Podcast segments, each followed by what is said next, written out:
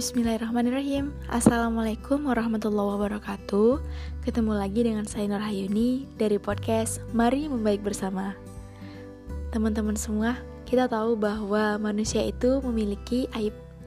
Gak ada manusia yang tidak memiliki aib atau keburukan. Karena manusia adalah seseorang yang tidak maksum Yaitu orang yang tidak terlepas dari perbuatan dosa Begitu.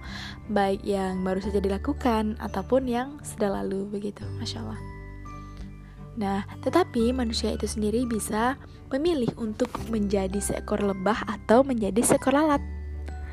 Jika ia menjadi seekor lebah, maka manusia tersebut akan memilih tempat-tempat yang baik, memilih sari dan putih yang baik untuk menghasilkan hal-hal yang baik pula agar senantiasa senantiasa sehat begitu. Dan ketika manusia itu memilih menjadi seekor lalat, maka manusia tersebut akan senantiasa mencari tempat-tempat yang kotor, mencari tempat-tempat yang tidak bermanfaat sehingga timbullah penyakit dan hasil yang tidak bermanfaat pula begitu.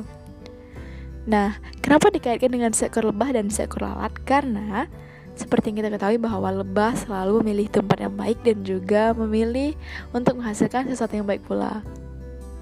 Kata Allah di dalam surah Al-Hujurat ayat 12 Bismillahirrahmanirrahim Wala tajassasu dan janganlah kamu mencari-cari keburukan atau aib dari saudaramu sendiri begitu Karena sesungguhnya aib pada diri kita sendiri ini sudah tidak terhitung Andaikan aib tersebut dijadikan seperti tinta pena, maka tiada tempat lagi untuk meletakkan dosa-dosa atau aib kita sendiri, begitu. Nah, jadi kita harus perlu introspeksi diri sebelum mencari kesalahan orang lain. Ketika kita menyadari hal tersebut, maka akan timbullah kesadaran bahwa diri kita akan senantiasa merasa lebih buruk daripada orang lain begitu.